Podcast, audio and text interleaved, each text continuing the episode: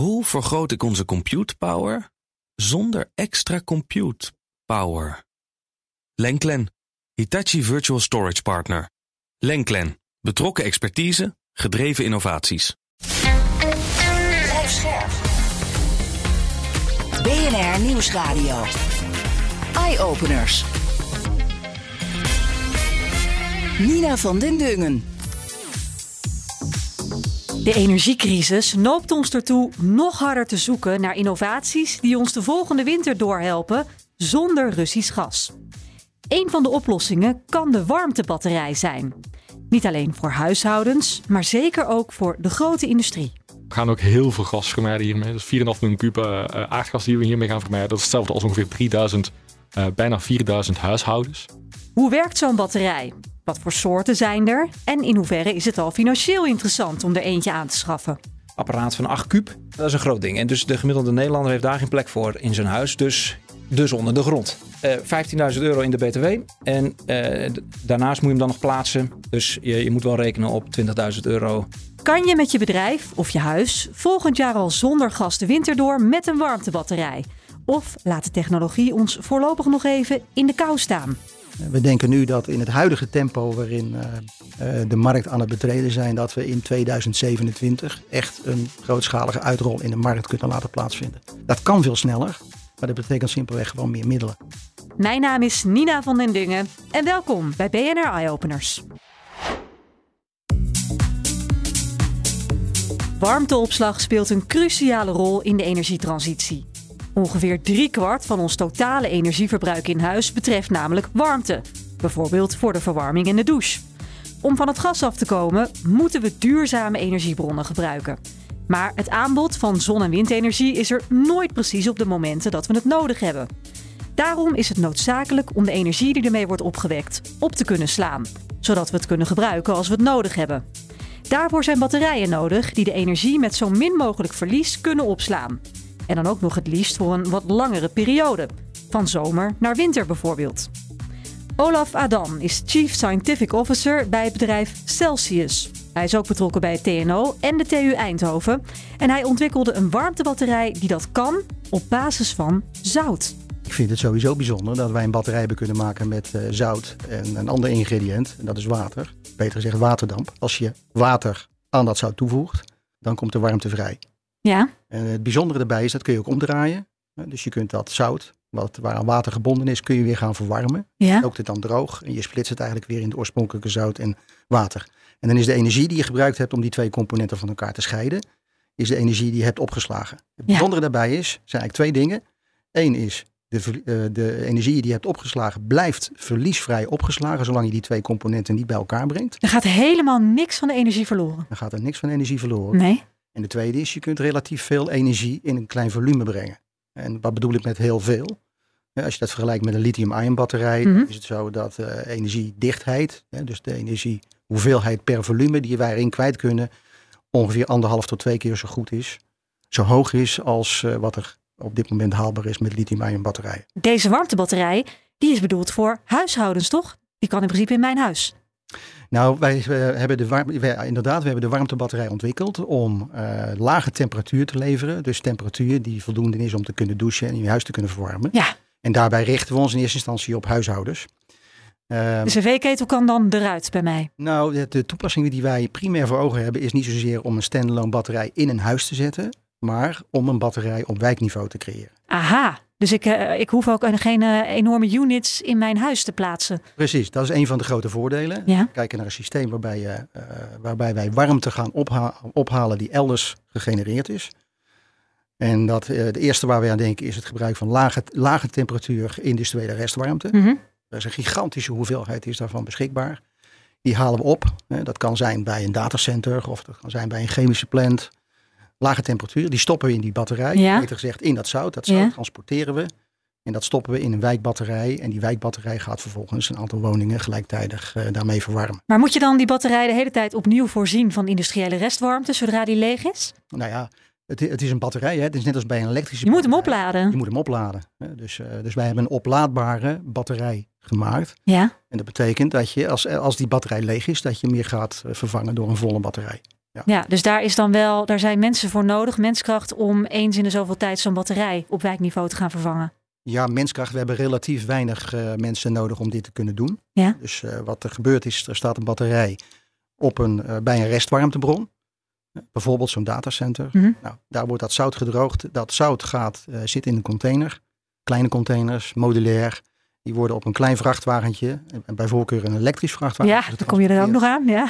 Naar een andere locatie in een woonwijk, eh, waar dat zout wordt eh, zeg maar gedokt of ingeklikt in, die, in de batterij die daar staat. En dan is hij weer vol. Dan is die weer vol. Oké, dan moet ik het even concreet maken naar een wijk. Hoeveel huizen kun je op zo'n ding aansluiten en hoe lang kan je daar dan in principe, kunnen alle huizen daarmee douchen en, en de verwarming aanmaken? Wij zijn uitgegaan van huizen die eh, redelijk goed geïsoleerd zijn. De isolatie is in de hele energietransitie sowieso de eerste stap. Dus het, de energievraag is gereduceerd. Mhm. En we hebben typisch een systeem gebouwd wat eh, nu de, eh, de grootte heeft van een eh, 20 voet zeecontainer. Dus dat is een meter of 6 bij 2, 2,5. Ja, 2,5. Mhm. Ja, dus een kleine container. En met die container kun je bij gemiddeld gebruik, in een gemiddelde periode, kun je ongeveer 50 woningen een week lang volledig van energie voorzien. 50 woningen. Dus dan hebben we het inderdaad niet over een strenge winter op dat moment. Dan is het gemiddeld. Dan is het gemiddeld. Ja, dus dat betekent dat je in de winter, als het extreem koud is, heb je wat frequenter vervangen Mhm. van je batterij nodig. En in de zomer heb je dat veel minder nodig. Ja, klinkt heel interessant. Waarom is het handiger of nuttiger of beter dan gewoon een warmtepomp voor, eh, voor de wijk? Eh, ja, er zijn eigenlijk hele moeilijke vergelijkingen, eh, maar ik kan de verschillen wel uitleggen. Eh, het, het eerste wat wij doen is, wij maken gebruik van warmte die er al is. Industriële restwarmte. Industriële restwarmte. Mhm. Dus om die, warmte, om die warmte te krijgen, hoef je niet te investeren in, in warmtepompen, in windmolens, in fotovoltaïsche die warmte is er al. Ja. Dus dat is een heel stuk goedkoper. Het tweede is, omdat die warmte er al is, hoef je ook niet, kun je heel, heel snel implementeren. Eh, die warmte is er al. Dus wij kunnen heel snel kunnen wij dat gaan benutten voor huishoudens. Ja, nou ja, je moet zo'n unit aansluiten. Op, unit en zorgen dat het ja, in mijn huis werkt. Dat is wel even een karweitje lijkt me toch? Is, als je, eh, je moet zo'n unit aansluiten, maar als je gaat, gaat vergelijken, als iedereen aan de warmtepomp gaat, hè, en, eh, begrijp me niet verkeerd, hè, warmtepompen zijn ook nodig. Ja. Als iedereen aan de warmtepomp gaat en iedereen zet gelijktijdig zijn warmtepomp aan op het moment dat het koud is, dan gaat overal het licht uit. hè. Dus we moeten het net daarvoor enorm verzwaren. Hm. Nou, het verzwaren van het net, een van de grote problemen bij- het verzwaren van het elektriciteitsnet, is dat je eh, daar ook handjes voor nodig hebt. Ja. Dus van de middelen Ja. en de tijd die je nodig hebt. En bij jou is het een batterij. Dus een batterij, ja, je bent helemaal niet afhankelijk van dat, van dat net. Ja, dus het is even het elektriciteitsnet. Hè. Dus die batterij kun je ook aan het elektriciteitsnet koppelen. Jouw batterij ook. Ja, die batterij Mhm. kun je ook, want eh, die batterij kun je opladen met of warmte of met elektriciteit. Wat je, Aha, tweeledig. En daarmee kun je dus onder andere piekbelasting in het elektriciteits gaan, eh, elektrische net gaan reduceren. Dat is één. Het tweede is, eh, en dat is een andere toepassing waar wij vooral naar kijken, is ehm, in relatie tot eh, eh, wat een hoeksteen in ons Nederlandse beleid is, dat zijn warmtenetten. Mhm. Dus warmtenetten die transporteren warmte van een bron via pijpleidingen naar afnemers in de woonwijk. Mhm. Nou, dat is een traject wat eh, een aantal ehm, eh, enorme opgaven met zich meebrengt. Het eerste is, ja, je moet de bron die daarvoor gebruikt wordt, moet je kunnen, voor langere tijd kunnen garanderen. Dat is één. Ja.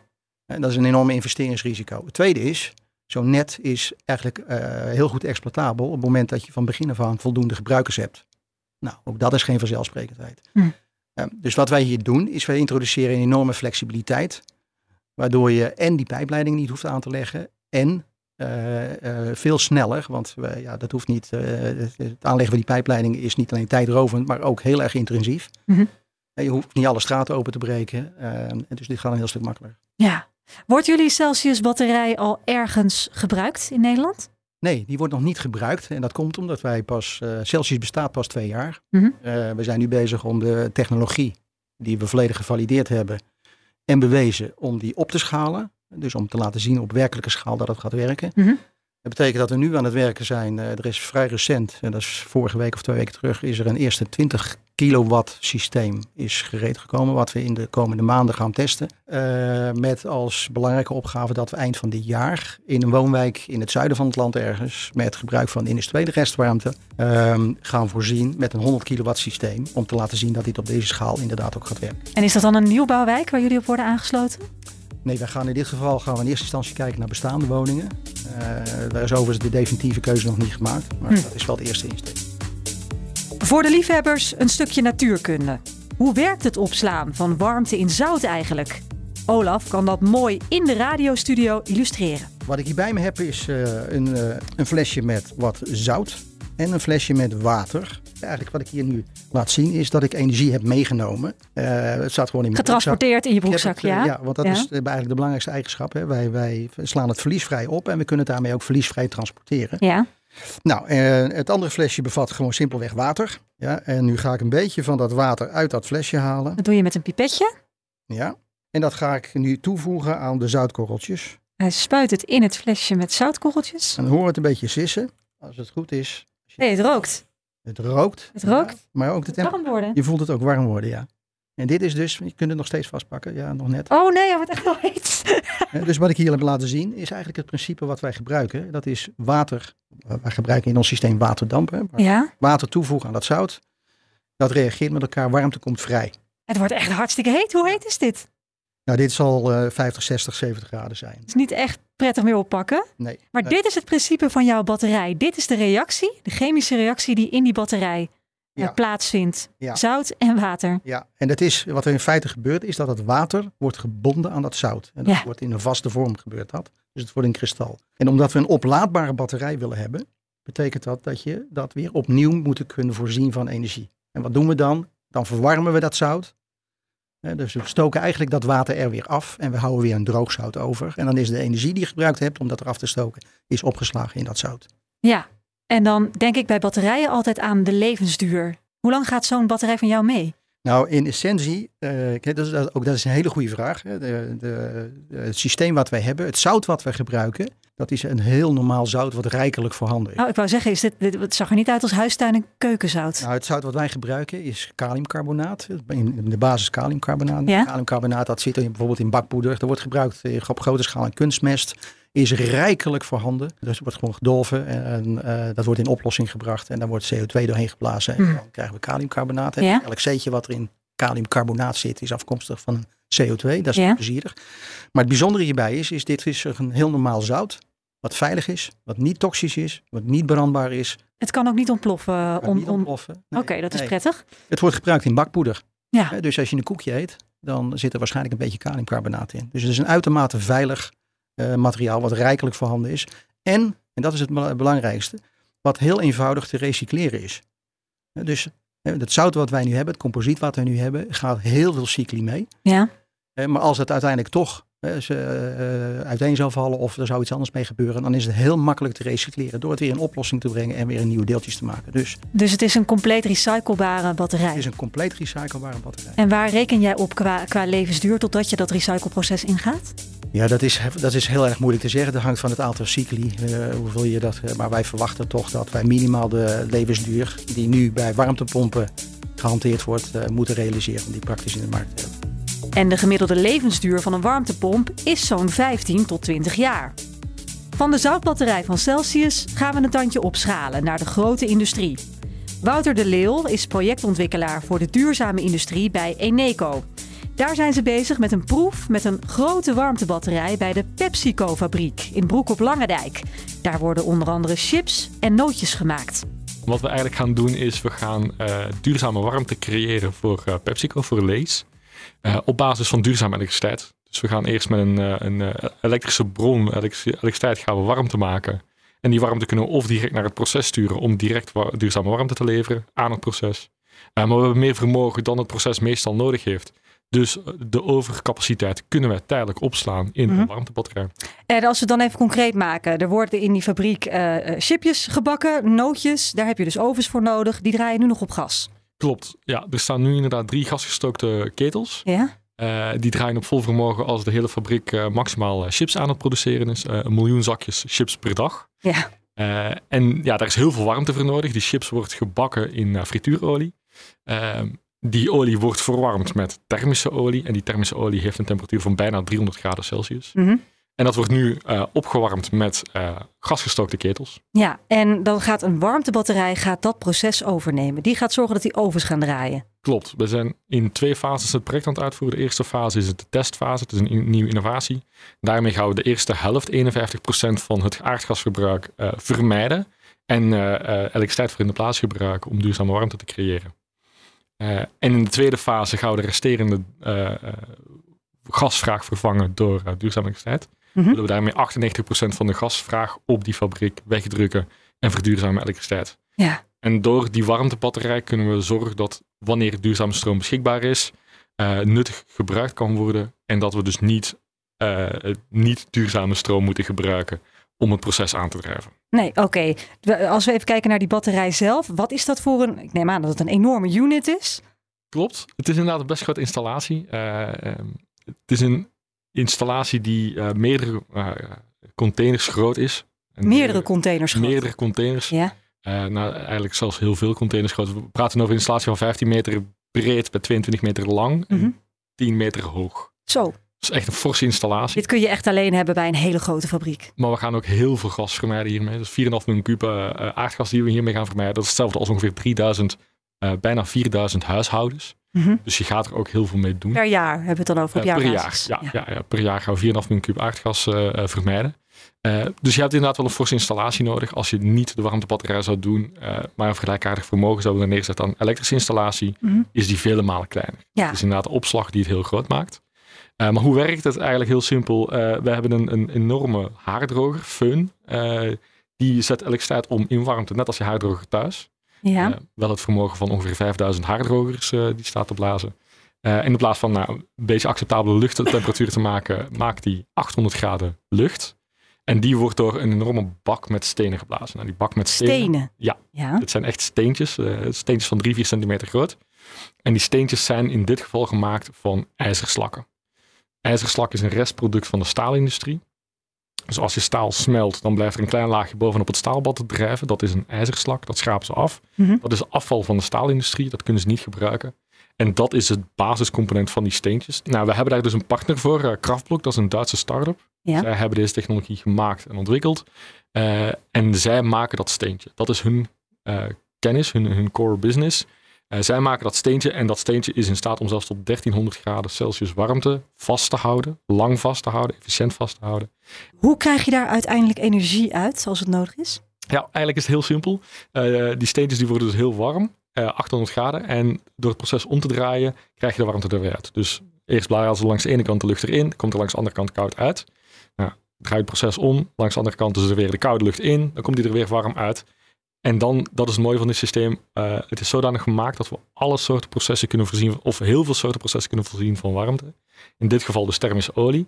Dat doen we dus door die hete lucht langs een warmtewisselaar te sturen. Een warmtewisselaar. Een warmtewisselaar ja, die ja. die warmte van de lucht overdraagt aan de thermische olie. Mm -hmm. uh, maar die warmtewisselaar kan net zo goed uh, voor stoom of warm water gebruikt worden. En dan kan je dus die 800 graden weer voor andere processen gebruiken. Ja. Of je kan die lucht in sommige processen gebruiken, uh, lucht om te drogen of te verwarmen. Nou, die lucht kan je dus rechtstreeks, hier heb je geen warmtewisselaar meer nodig. Ja, hoe lang kan het warm blijven? Nou, we verliezen ongeveer een procent per dag, minder dan een procent per dag.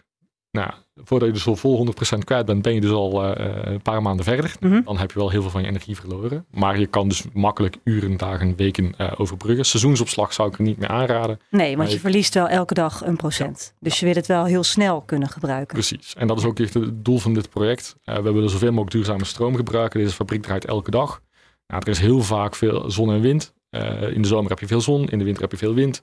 Daarmee kan je eigenlijk best wel veel tijd overbruggen een echte periode dat er bijna geen zon en wind is, is vaak niet langer dan een week of twee. Dus vandaar dat dit ook echt ideaal is om de match tussen duurzame opwek en afname uh, te overbruggen. Ja, kritiekpuntje. Je bent wel afhankelijk van het, van het net. En dat is natuurlijk een, een probleem wat we nu hebben met het net dat gewoon, er is veel te veel vraag. Ja, en daarom zijn we ook in heel nauw gesprek gegaan met Liander, de lokale netbeheerder uh, voor dit project. Uh, om te kijken van ja, wat kunnen we doen met dit project? Want we vragen een enorm vermogen, 15 megawatt uh, elektrisch vermogen dat we hebben staan. Mm -hmm. uh, ja, als we dat op dat lokale net zouden trekken op elk moment van de dag, zouden we meteen het hele net blokkeren. Ja. Dan zou het lokale net meteen overvol zitten, zouden we op netcongestie zitten. Dus we zijn met hun in gesprek gaan van ja, wat kunnen we wel doen en wanneer kunnen we dit wel doen? om te voorkomen dat Liander meteen het net op slot moet zetten daar. Ja, daar hebben we dus een nauwe samenwerking, een nauwe overleg met hun ervoor gezorgd dat we een ontwerp hebben gemaakt dat dat niet uh, doet. Dus dat niet een netcongestie creëert. En dat is ook weer de crux van die warmtebatterij. Omdat wij warmte opslaan tot wel weken, hebben wij niet altijd die netcapaciteit nodig. En net eigenlijk, we hebben de netcapaciteit nodig net wanneer er veel overschot is, wanneer er veel aanbod is, maar weinig vraag. Mhm. Als er veel vraag is, ja, dan willen wij die stroom niet gebruiken. Dan willen we die stroom liever naar de huishoudens en naar de fabrieken sturen die het Ja. nuttig gebruiken voor het proces. Nee, en je wil jezelf dus ook verzekeren, zeker ook als Eneco, dat je die eh, batterij, die warmtebatterij, altijd van eh, energie voorziet met duurzame stroom, duurzame energie opgewekt. Uiteraard, ja. Wij willen dus inderdaad echt die match op uurniveau maken tussen wanneer het opgewekt wordt en wanneer het verbruikt wordt. Dus wij kijken niet op jaargemiddeld niveau, we kijken echt op het moment. Eh, en dat is waar die batterij dus voor nodig is om die match tussen aanbod en vraag beter eh, af te stemmen. Ook voor de grote industrie moet het dus mogelijk worden om over te kunnen stappen van gas naar duurzaam opgewekte stroom, zonder daarmee het net zwaarder te belasten. Volgens Wouter is deze manier van warmteopslag geschikt voor veel soorten fabrieken. Ja, deze technologie is eigenlijk met name geschikt voor de midden- en hoge temperatuur eh, eh, warmtetoepassing in de industrie. Tot 1300 graden. Tot 1300 graden zou je inderdaad eh, warmte kunnen voorzien met deze technologie. Eh 1300 graden moet nog wel iets meer gekeken worden naar de juiste materiaalkeuzes en isolatie, maar tot 800 graden zijn we dus nu aan het bewijzen. Mhm. Ehm, en eigenlijk dat is een heel groot deel. Eh, alles onder de, zeg even 150 graden, zou ik misschien andere keuzes voor maken. Hm. Eh, simpelweg omdat deze technologie is best groot, fors, duur.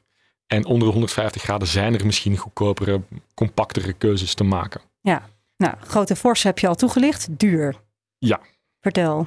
Ja, eh, nou, de exacte prijs kunnen we nog niet eh, aangeven van hoe duur dit nu is, omdat we nog in de ontwikkel- en bouwfase zijn. Eh, dus maar dat- om en nabij? Gaan we, gaan we een ton? het- Of gaan we een half miljoen? Of gaan we wel een miljoen in? nou, er gaan heel veel miljoenen in. Ja, echt waar? Ja, ja. Ehm, eh, om even een, een idee te geven, als je zonder de thermische opslag zou werken, directe elektrificatie zou toepassen, dan is dit ongeveer twee tot vier keer duurder qua Ja, ja. investering. Ja. Het voordeel dat we hiermee behalen is dus dat we eigenlijk het afnameprofiel niet relevant is voor het elektriciteitsprofiel. Wat wel een groot probleem kan veroorzaken. Elektriciteit heeft heel veel kosten als je niet het profiel perfect volgt. Mhm. Ehm, daar zit een deel van de besparing in. En als je heel grote volumes, meer dan 50% wilt gaan verduurzamen, ja, dan ga je met directe elektrificatie er ook gewoon niet komen. Nee. Is dat dan iets wat PepsiCo betaalt? Of gaat Eneco dat betalen? Eh, gedeelde investering, dus zij doen investeringen in hun fabriek, eh, de aanpassingen die nodig zijn binnen hun eigen fabriek om dit te kunnen installeren. En wij bouwen en beheren de, eh, de krachtblokinstallatie eigenlijk. Dus die blijft ook bij jullie? Die blijft bij ons, wij beheren hem, wij sturen hem aan. En eigenlijk het mooie voor PepsiCo is, zij merken er niks van in hun proces. Zij hoeven niks in hun bedrijfsmatige uitvoering aan te passen. Eh, zij vragen de warmte wanneer zij hem nodig hebben en wij leveren hem eh, wel of niet uit Ja, warmte. maar waar zit jullie eh, verdienmodel dan? Want uiteindelijk moeten jullie ook gewoon geld verdienen. Uiteindelijk moeten wij geld verdienen, dat klopt. Maar wij verdienen met name inderdaad aan het kunnen blijven groeien met onze wind, wind- en zoninstallaties. Ja, omdat het anders gewoon... Op een gegeven moment stopt het omdat er te veel capaciteit is. Te veel overcapaciteit van wind en zon. En dan kun je niet meer verder. Ja. Dus daar zit jullie winst. Precies. Dan nog even naar warmteopslag in water. Want ook dat is een interessante mogelijkheid voor de toekomst. Er zijn al verschillende manieren om warmte in water op te slaan. Maar het nadeel is dat water snel afkoelt en dat daarmee energie verloren gaat. Het Nederlandse bedrijf Borg Energy Storage ontwikkelde een grote watertank voor onder de grond. Gericht op huishoudens die bijvoorbeeld een warmtepomp hebben. Joost Spanjer is medeoprichter van Borg. We hebben het in ons geval over 4000 liter. En- Vier grote hot tubs eh, vol. Ja, en eh, in 4000 liter eh, kun je echt een beetje, ja, je een beetje meters maken. dat, ze- dat, dat zet wat zoden aan de dijk. Maar ja, waar laat je 4000 liter? Er gaat vervolgens ook nog eens een keer, nog een keer, in ons geval 4000 liter isolatie omheen. Dus we hebben het over een apparaat van 8 kuub. Dat is echt een grote auto. Ja, dat is een groot ding. En dus de gemiddelde Nederlander heeft daar geen plek voor in zijn huis. Dus, dus onder de grond. Hè, Ja. Dat is wat wij, wat wij doen, hè? Ondergrondse, thermische, thermische Een opslag. warmtebatterij onder de grond. in Onder de de grond van 4000 liter water. Met nog 4000 eh, Liter ja, isolatie, liter isolatie gewoon E-. EPS, dus eh, piepschuim. eh, Ja, met daaromheen. piepschuim omhul je het. Ja. Dus je hebt Dus- een heel, soort hele rare piepschuimen bak Ja, in, een hele je, in je grote grond. piepschuim eh, constructie eh, die een, eh, een hoop gewicht kan hebben. Dus is, we, noemen dat een zelfdragende constructie. Dus je kunt hem onder de oprit leggen, je kunt er een auto op parkeren, gaat gewoon goed. Mhm. Ondanks het feit dat je dat misschien niet meteen met piepschuim associeert. Ehm, dus dat is de ene uitdaging als je onder de grond gaat. Dus wij kunnen, als je het over renovatiewoning hebt, onder de oprit of in de achtertuin onder je terras. Hè, dus je, bent- je hebt een beetje over drie keer vier meter. Dus Goed, grondgebonden woningen eh, zullen over het algemeen die ruimte wel hebben in een tuin. Maar voor eh meergezinswoningen, appartementen is het dus Of in de stad. ja, dan, dan, Beetje- hè, beetje moeilijker. Ja, dan wordt het wat moeilijker. Dus enerzijds is die, eh, die draagkracht is een, is een thema. En het andere is, als je onder de grond gaat, dan eh, krijg je met vocht te maken. Het is heel heet binnen dat, eh, dat water kan tot 80 graden worden opgeladen. Je hebt daar grondwater, je hebt regenwater en je hebt condens als gevolg van temperatuurverschil. Dus daar heeft, zou ik maar zeggen, de nadruk van, eh, van de technologische ontwikkeling op, eh, op gelegen. Wij, eh, je gaat te maken krijgen met vochtophoping in die isolatieschil. Als gevolg waarvan zo'n ondergronds buffer in performance sterk gaat teruglopen. En dan lekt het weg. De warmte. De warmte, energie. exact. Ja. En dat wil je natuurlijk niet. Dus wij hebben een patent op het op basis van een ventilatieprincipe droog houden van die, dat isolatiepakket. Oh, hoe En- doe je dat? Droog Ja, dus- houden dus- ervan. Er zit een eh, eh, heel uitgebreid kanalenstelsel zit in die EPS eh, verwerkt. Wat is die en EPS? Dus dat is die, die, die piepschuimconstructie. En we geven een heel klein beetje luchtflow, echt een heel klein beetje. eh, dat doen we met computerventilatortje. Mhm. Even een heel klein beetje flow over, eh, door, door die isolatieconstructie heen. En daarmee houden we droog. Dus eventueel vocht dat zich verzamelt in die EPS. Wordt ventileren we simpel, simpelweg. Ja. Ja. En daarmee ja, handhaven we gewoon de isolatiewaarde van dag 1 over, over de jaren Ja. dat hij onder de grond gaat. En dat moeten veel jaren zijn. En we zeggen iedere keer 50 jaar. Dus is ook nodig dat het op, op niveau blijft. Ja, oké. dus even samenvattend. Jullie hebben een gigantische warmtebatterij, want dat is het. Ja. Maar dan dus met water, op basis van eh, water. En dan ook nog een enorme piepschuimmassa eromheen ter isolatie. Ja. Waarom zou ik daar, want het is voor huishoudens hè? Ja. Waarom zou ik daar als huishouden voor kiezen? Kijk, wij gaan voor water omdat water... eh, uiteindelijk is het in essentie, hoewel we patenten hebben en er al heel lang mee bezig zijn. In essentie is het, is het een simpele, simpele oplossing. En daarmee, laat ik zeggen, eh, ja, technisch duurzaam zou ik willen. Hè? Dus geen bewegende delen. Hè? Onder de grond hoef je er nooit meer bij. Dus, dus wil je... Nee, hoef je dat water nooit te verversen in Nee, dat dus het bassin? is, zijn gesloten circuits. Ja. Hè? Dus eh, het water dat in dat buffer zit, dat is het water dat in het buffer blijft. Hè? Dus dat we noemen dat altijd dood water, maar dat, dat is niet het water waar je uiteindelijk onder komt te douchen. Eh, het water is eh, puur het medium waarin we de energie opslaan.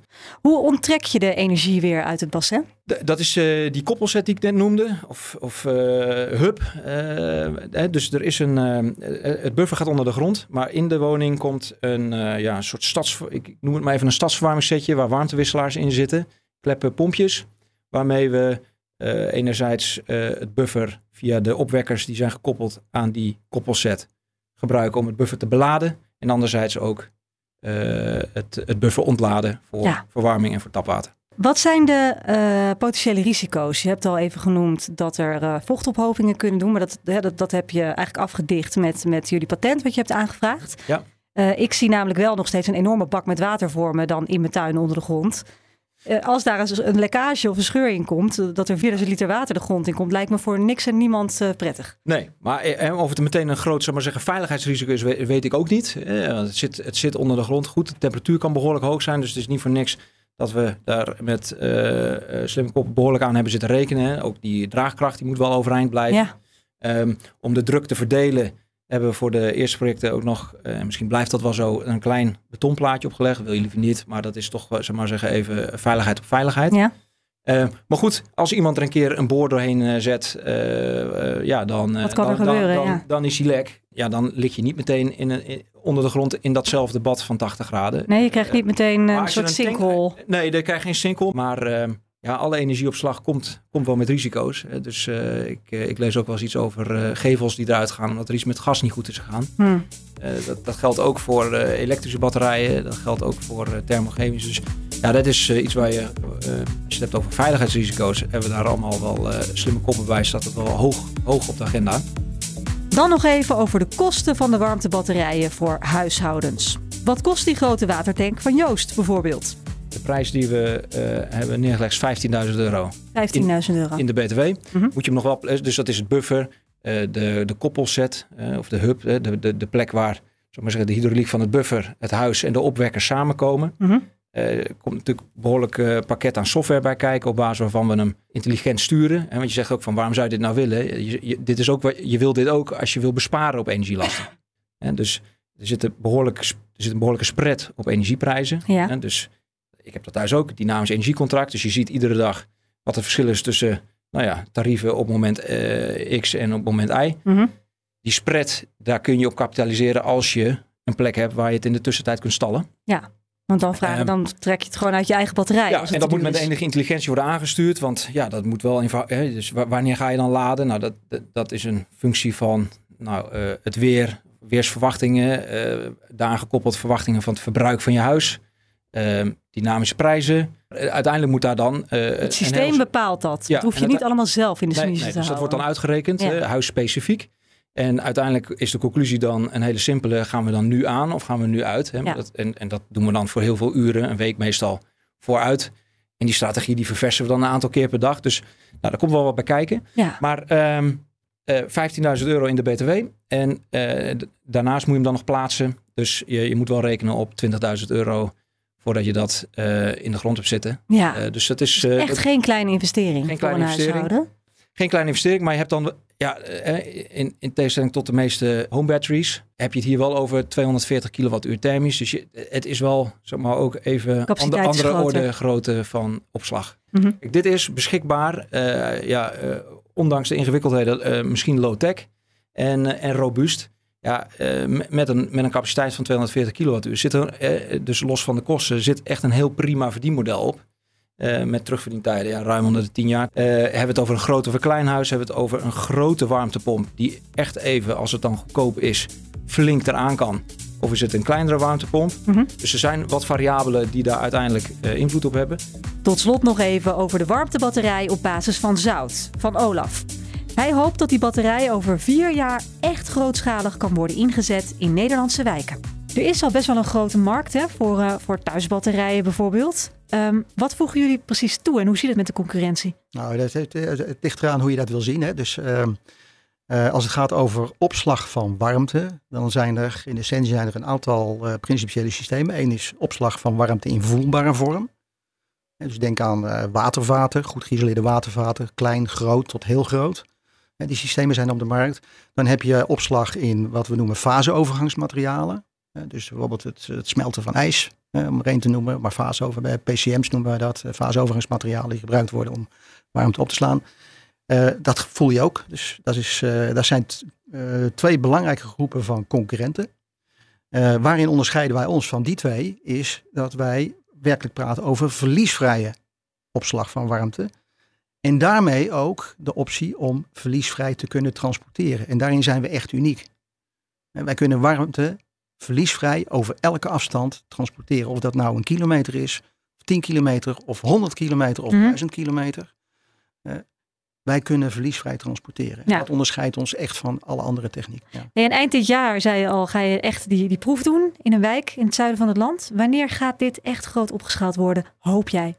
Ja, nou wij, eh, wat we nu laten zien, eh, dus de eerste stap die nu gezet wordt, is dat we dit op werkelijke schaal demonstreren.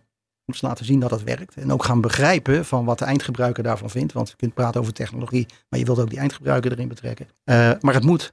En het kan ook veel sneller. Eh, we denken nu dat in het huidige tempo waarin eh, eh, wij als spin-off eh, de markt aan het betreden zijn, dat we in 2027 echt een grootschalige uitrol in de markt kunnen laten plaatsvinden. Dat kan veel sneller, maar dat betekent simpelweg gewoon meer middelen. Ja. En als we daarover praten, dan denk ik dat de kortst mogelijke periode om dit op de markt te zetten, dat dat 2025 is. Er wordt dus keihard gewerkt aan verschillende manieren van warmteopslag. Waarmee we hopelijk binnen een paar jaar grote stappen kunnen maken. Zowel voor huishoudens als voor de industrie. Dit was Eye Openers voor deze week. Ook volgende week gaat het over energie. Maar dan zoomen we in op de nieuwste generatie zonnepanelen. En dan moet je ook zeker verder denken dan die blauwe of zwarte rechthoekige panelen op je dak. Want in theorie kunnen we heel Nederland, plus ook een deel van de zee, volleggen met nieuwe versies van zonnepanelen. Die niet meer alleen op daken liggen, maar die we bijvoorbeeld ook in de gevels van gebouwen kunnen verwerken. In alle kleuren van de regenboog. Mijn naam is Nina van den Dungen. Veel dank voor het luisteren. Hoe vergroot ik onze compute power zonder extra compute power? Lenklen, Hitachi Virtual Storage Partner. Lenklen, betrokken expertise, gedreven innovaties.